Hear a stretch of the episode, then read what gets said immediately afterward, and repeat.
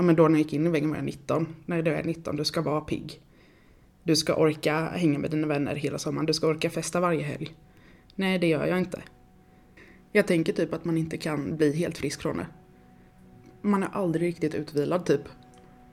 Alltså blickar och kommentarer som är så här. Ja fast du är ung, du är fräsch, du är pigg. Alltså du är bara lat typ. Och sen fick jag ju snacka med psykolog men där är det också så här. Vågar man ju inte berätta om allt. Ja jag har lite ångest över det här. Ja jag känner lite så här. Man berättar inte för någon att så här. Nej helst av allt skulle jag bara vilja dö nu.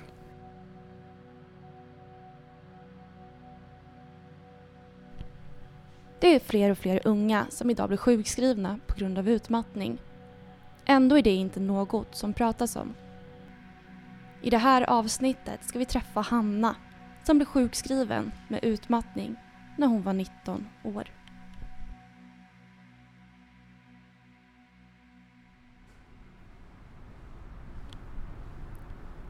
Hanna har precis börjat trean på gymnasiet. Hon är glad och taggad på året som ska komma. Hon går teaterprogrammet på skolan och i år ska de äntligen få sätta upp en slutproduktion. Något hon har längtat efter sedan i ettan då hon såg de äldre eleverna sätta upp pjäsen Dogwill. Men det är inte bara teatern som får Hanna att se fram emot året. Hon ska ta studenten och Hanna har jobbat hela sommaren för att tjäna ihop pengar inför studentfester, resa och bal. Så det var liksom otroligt mycket man såg fram emot till att börja trean. Men Hanna hinner knappt börja skolan innan hon börjar känna sig allt mer trött. Men jag känner mig aldrig utvilad. Eh, jag var alltid trött. Och det kunde bara vara av att vara typ hemma hos mormor och morfar. Att det drog så mycket energi av att vara bland folk.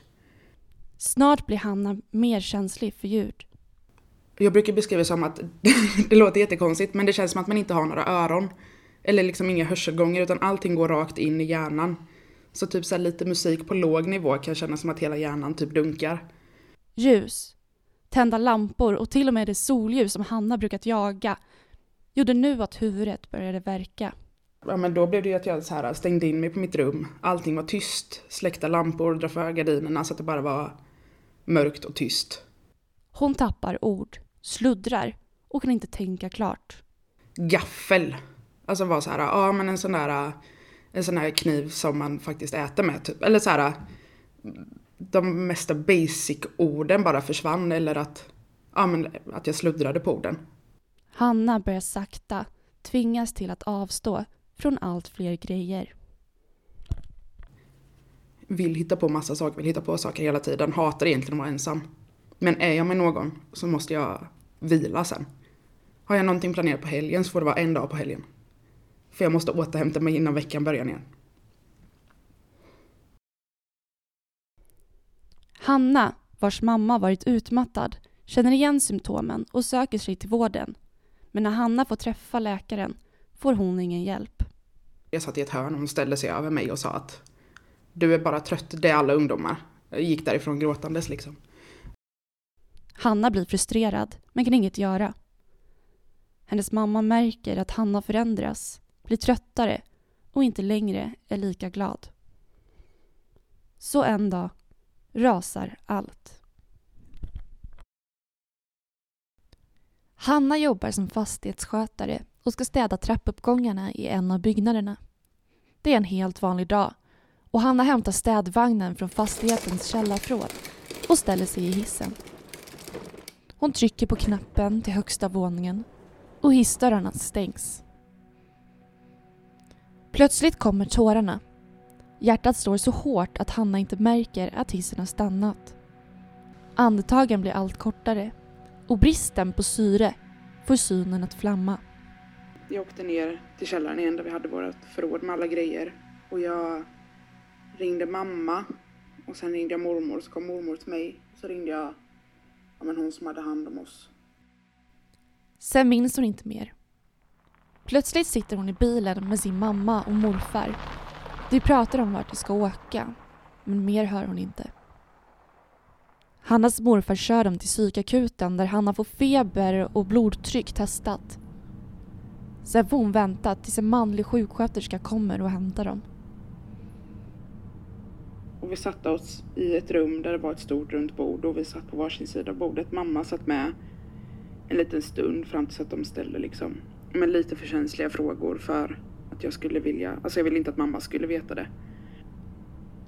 Sjuksköterskan lämnar Hanna vid bordet och när han kommer tillbaka möter han Hannas blick.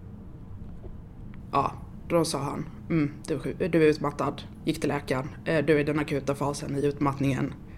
Eh, det är dåligt att de inte lyssnade på dig från början. Hanna blir sjukskriven som 19 år. Hon kan inte längre göra sånt som andra i hennes ålder gör. Men det var ju så här efter studenten, och nu ska man börja jobba. Ja, men så här, man vill ju spara pengar, tjäna ihop pengar, kunna göra roliga saker men det, är ju, det räcker med att vi har en föreläsning i tre timmar och sen måste jag gå hem och sova lite för att jag ska orka laga mat eller gå till gymmet eller bara göra någonting. Hanna får kontakt med en psykolog som än idag hjälper henne och hon har svårt att öppna upp sig helt. Men där är det också så här, ja, men som en prestationsmänniska man är och ja, men lite så people pleaser så vågar man ju inte berätta om allt. Ja, jag har lite ångest över det här. Ja, jag känner lite så här. Man berättar inte för någon att så här, nej helst av allt skulle jag bara vilja dö nu. Utan det går man ju runt med själv. Runt omkring sig märker hon hur folk reagerar på hennes utmattning. Alltså blickar och kommentarer som är så här, ja fast du är ung, du är fräsch, du är pigg. Alltså du är bara lat typ. Nej, du, är inte, alltså så här, du kan inte vara utmattad för du är ung. Du kan inte vara utmattad för du har inte jobbat hela ditt liv. Eller, ja men så här, nej du är bara lat för du orkar inte. Du har aldrig fått kämpa, alltså så här, verkligen så här, du har aldrig fått kämpa för någonting någonsin. Du, du vill bara få allting serverat till dig och så liksom så här, de, alltså det är liksom folk som inte ens känner mig, som inte vet vem jag är. Känner du att det finns en skam? Oh ja. För det är också den här, nej men, ja men då när jag gick in i väggen var jag 19. Nej, då är jag 19, du ska vara pigg. Du ska orka hänga med dina vänner hela sommaren, du ska orka festa varje helg. Nej, det gör jag inte. Sedan 2003, när ordet utmattningssyndrom för första gången fick sin betydelse, har samhället ändrats. Det är inte längre bara vuxna som möter stressen i vardagen och flera läkare möter idag unga med alla symptom av utmattning. Lars Westerström är en pensionerad läkare inom barn och ungdomspsykiatrin och i en intervju med förbundet Attention ber han om mer forskning på ämnet. För trots att flera läkare idag sjukskriver unga med utmattning finns det inte någon enkel förklaring mer än att samhällets press har ökat. Hanna bor idag i Örebro och studerar på heltid. Men utmattningen kommer alltid att vara med henne.